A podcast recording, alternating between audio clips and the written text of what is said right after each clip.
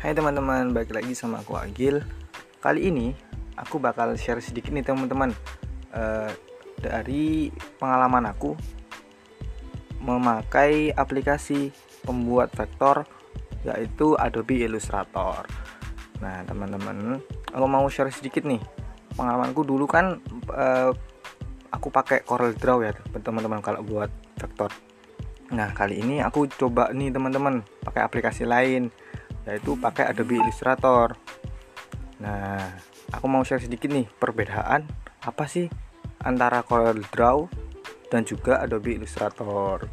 Nah, perbedaannya sih paling dasar nih teman-teman kalau di Adobe Illustrator itu dia menggunakan uh, link uh, atau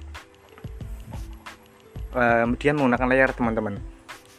Nah, ini bakal mudahin banget ketika kita buat animasi teman-teman. Nah jadi kita bisa buat layer pertama itu menjadi background terus yang layer kedua kita bisa buat uh, apa uh, kayak karakternya itu nanti bisa digerakin enak tuh.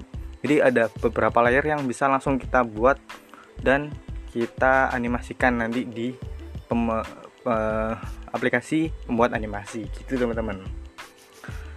Perbedaan lagi yaitu uh, lebih kompleks ya teman-teman. Dari yang aku rasain kalau di Corel Draw itu sederhana dan gampang banget gitu loh. Untuk dioperasiin kalau di Illustrator itu agak sulit karena ya terlalu kompleks dari teman-teman.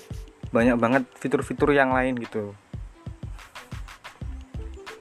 Uh, yang ketiga karena kompleks tadi jadinya agak sulit teman-teman untuk beradaptasi dari Corel Draw untuk pindah ke eh, Adobe Illustrator. Tapi tenang aja teman-teman aku ini belajar hampir seminggu. Itu udah bisa lah dikit-dikit soal Adobe Illustrator. Udah udah itu aja teman-teman dari aku.